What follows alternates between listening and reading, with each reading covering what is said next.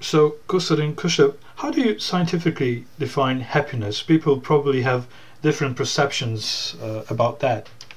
Yeah, well, uh, the most common uh, way to uh, measure happiness scientifically uh, is to just uh, ask people to report how they currently feel. in other words, we measure people's subjective experience of happiness because, by definition, happiness is a subjective experience. Um, now, beyond that, there are two main types of subjective uh, well being that we talk about in psychology. Uh, in one type, we ask people to make a judgment about how satisfied or how happy they are with their life overall. Uh, and in the other type, we ask people to report their feelings and emotions in a particular moment of time. So one type of happiness uh, is more of a judgment call on people's life overall, and the other one is more of a evaluation of how people currently feel. Mm-hmm. I understand. And which finding regarding happiness did you find most surprising in your research on happiness so far? Well, there certainly has uh, have been some um, counterintuitive findings in uh, my own research. Um, we have, for example, demonstrated that uh, at least in the case of U.S. and Canadian parents, uh, those parents who have higher socioeconomic status uh, in other words, have more money and education, tend to experience uh, less meaning in their life when they're spending time with their children as compared to parents from lower socioeconomic status. So uh, we found that uh, even simply reminding parents of the concept of money uh, compromises their subjective feelings of how meaningful their life is when they're spending time with their children. Now, uh, this is surprising because we often expect having more money and education to be associated with good things, positive things, more well being. Uh, but in our research, uh, we have shown quite the opposite, uh, at least with respect to parents' experience for their children. Uh, well, are people really so bad at affective forecasting their emotional states or reactions on events in the future? Well, the, sh- the short answer to this question is that it depends.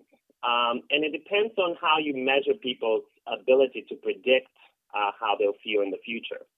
So uh, generally, um, people uh, have been shown to overestimate how positive they will feel in response to positive events and how negative they will feel in response to negative events.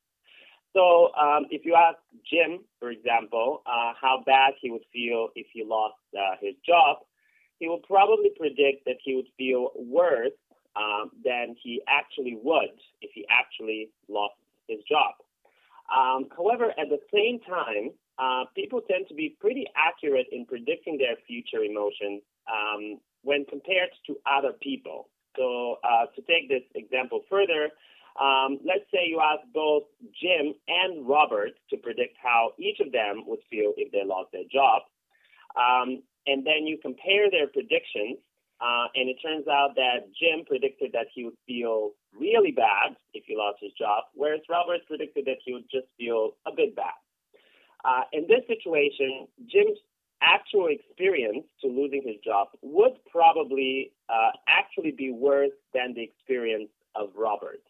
So people are pretty accurate when predicting how they'll feel in the future relative to others, but they do tend to overestimate uh, their emotional state in the future. I see. And is it true that people basically don't know what will make them happy? That is probably hard to accept since we're pretty certain that we do know what will make us happy. Generally and in most cases, people do indeed know what would make them happy. So, of course, if you ask somebody uh, to uh, tell you whether they would uh, be happy spending a nice day on the beach with their friends, they'll be pretty accurate to tell you that uh, yes, they would. They would feel pretty good. So people would be pretty good in predicting such uh, intuitive uh, situations. Uh, however, there are certain situations in which people may not know what would make them happier because what would make them happier is indeed counterintuitive. So, to take another example for, uh, from um, our own research, um, uh, when most people would predict that if they had 20 euros and spend them on uh, buying something for themselves, they'll feel happier uh, than if they spent those same 20 euros on somebody else. Uh, but research in our lab has shown uh, that for most people, this is not actually true.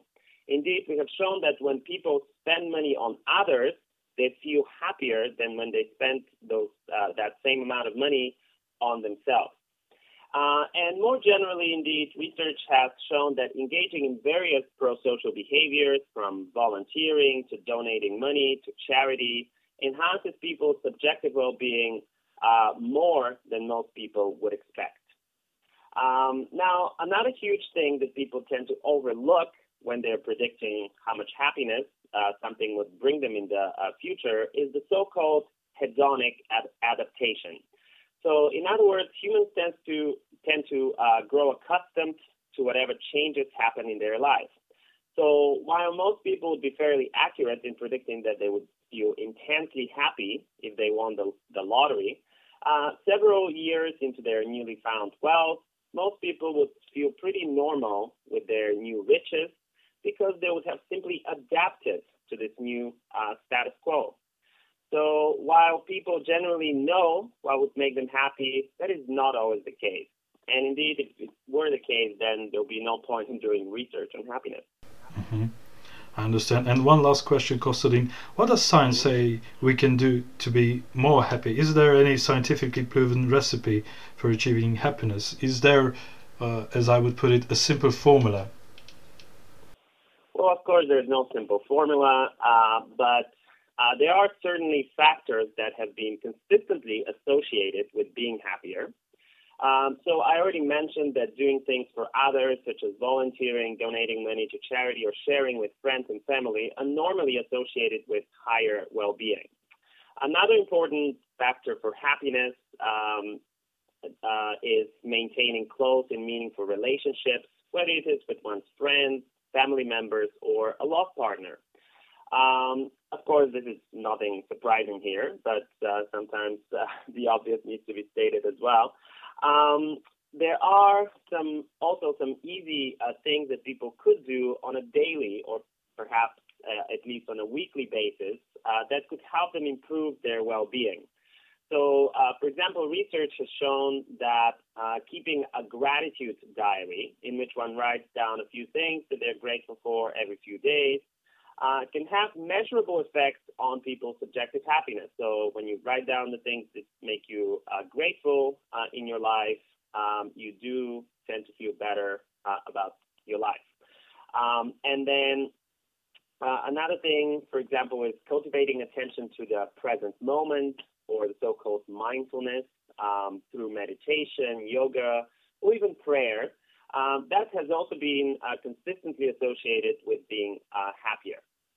Uh, so there are certain things that people can do to enhance to enhance their uh, well-being on a daily basis, and, and, those are often the small things uh, that we do, like buying a coffee for a friend, or thinking about how grateful we are for having this friend. I see. Well, Kostadin, thank you very much. It was a pleasure talking to you.